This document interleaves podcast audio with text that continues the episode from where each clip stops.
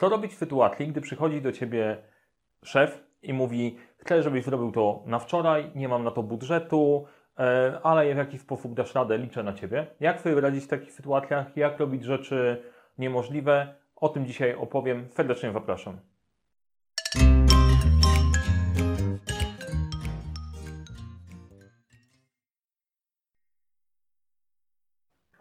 Cześć, nazywam się Mariusz Kapufta. Uczę, jak rozpoczynać i kończyć sukcesem projekty w świecie, w którym nie wszystko idzie tak, jak powinno, czyli pojawiają się problemy, trudności, brakuje zasobów. E, I jak to robić w prosty sposób, bez przekombinowania. Bez przekombinowywania. O, właśnie zrobiłem to, użyłem zbyt skomplikowanego słowa.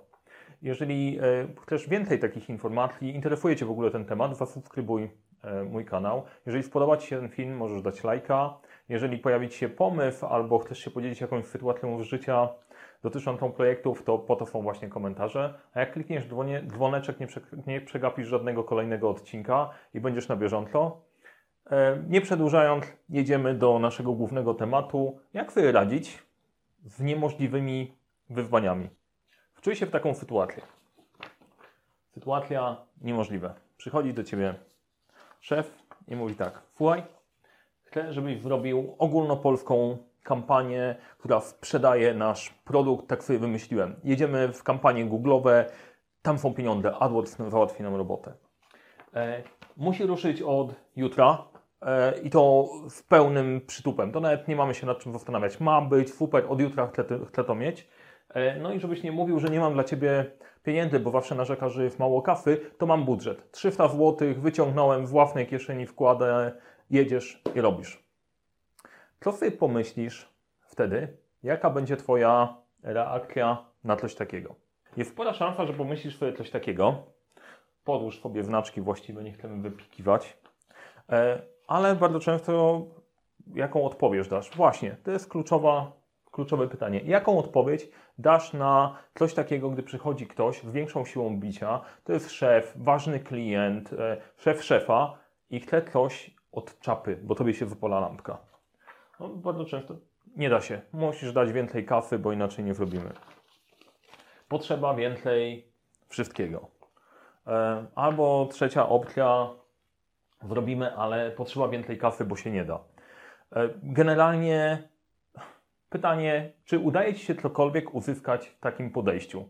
Czy na koniec okazuje się, że boksujesz się z osobą, która ma więcej, większą siłę przebicia i na koniec i tak musisz to zrobić, jesteś totalnie sfrustrowany, się zastanawiasz, czemu ci wszyscy ludzie wyżej w hierarchii są idiotami i nie zdają sobie sprawy z rzeczy oczywistych. E, nie musisz odpowiadać, wiem, że w sporej części tak właśnie jest, a wcale tak być nie musi. W bardzo prosty sposób, jak sobie poradzić w taką sytuacją i do tego służy nam trójkąt projektowy. Trójkąt projektowy, inaczej potrójne ograniczenie projektowe, to jest koncept, narzędzie, które zawiera te trzy elementy: zakres, czas i koszt. Działa w ten sposób, że jeżeli zmienisz w projekcie zakres, wzrośnie, masz zrobić więcej rzeczy, to przełoży się to na czas albo na kasę. Albo trzeba będzie wydłużyć czas, albo trzeba będzie dorzucić więcej zasobów. Jeżeli nagle ktoś Ci obetnie budżet o połowę, no to wpłynie na czas i zakres. To jest w miarę oczywiste. E, tak jak szybko, tanio i dobrze, wybierz dwa. Ta zasada wszyscy ją znają, ale w jakiś dziwny sposób nie potrafią jej zastosować w rzeczywistości. Nie masz to liczyć na to, że świat nagle zacznie działać lepiej i funkcjonować lepiej i ludzie będą przychodzić z przemyślanymi tematami, ale możesz zrobić coś bardzo prostego, co spowoduje, że zmienisz swoją sytuację w tej relacji. Na biednego na biednego goblina, który ma tam biegać, czy orka mordorowego, e, na partnera do dyskusji. W jaki sposób to zrobić? Trzeba zmienić trochę sposób myślenia. Przychodzi ktoś i mówi, na wczoraj wszystko i za darmo, bo to mamy w naturze. E, trzeba na to spojrzeć z innej perspektywy. Jak na to właściwie spojrzeć? Jeżeli przychodzi ktoś do Ciebie i mówi, chcę wszystko na wczoraj za darmo, tak naprawdę zadaje pytanie, co jest możliwe. Bo często sam nie wie. E, ci ludzie wyżej, albo klient. Klient przychodzi do ciebie, dlatego że ty jesteś ekspertem. Szef przychodzi do ciebie, bo ty jesteś ekspertem. To ty masz powiedzieć, co jest możliwe. To jest jego życzenie na początek. Jaka jest właściwa odpowiedź w takiej sytuacji? Na pewno nie da się. Nie. Na pewno potrzeba więcej nie, ale też nie działa. Odpowiedź inaczej. Jedyna prawidłowa odpowiedź to tak. Tak, działamy. To może brzmi dziwnie, ale to jest coś, czego nauczyłem się od konsultantów, z którymi pracowaliśmy kiedyś, kiedyś, jak jeszcze pracowałem w korporacji. Chcieliśmy coś, oni pierwszą odpowiedź, którą przychodzili, było tak. Jacy nastawieni na współpracę ludzie. Tydzień później przychodzili z kosztoryfem tego, co chcemy zrobić, jacy nastawieni na współpracę i inteligentni i takich potrzebujemy. I dokładnie tak powinieneś podejść. Nie ma sensu kopać się z koniem na tym etapie. Twoja odpowiedź jest tak. Sprawdzimy, co jest możliwe. Nie używasz słowa ale, bo ale kafuje to, co powiedziałeś wcześniej. Czyli powiesz komuś, pięknie dziś wyglądasz, ale szlak trafi komplement. To nie działa. Jedyna odpowiedź jest tak. I co robisz? Robisz swoją robotę project managera, korzystając z trójkąta projektowego. Przychodzisz w opcjami. Zakładamy, że klient albo druga strona ma rację.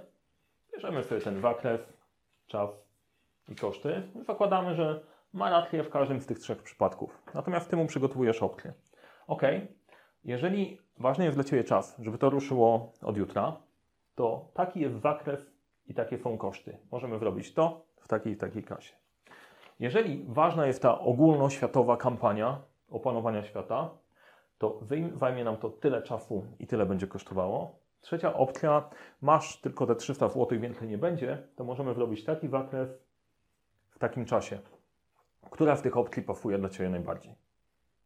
Ok?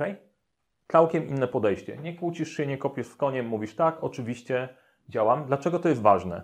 Ta osoba ma problem, chce, żebyś pomógł mu go rozwiązać. Jeżeli mówisz nie, stajesz się częścią problemu, a nie częścią rozwiązania, bądź częścią rozwiązania.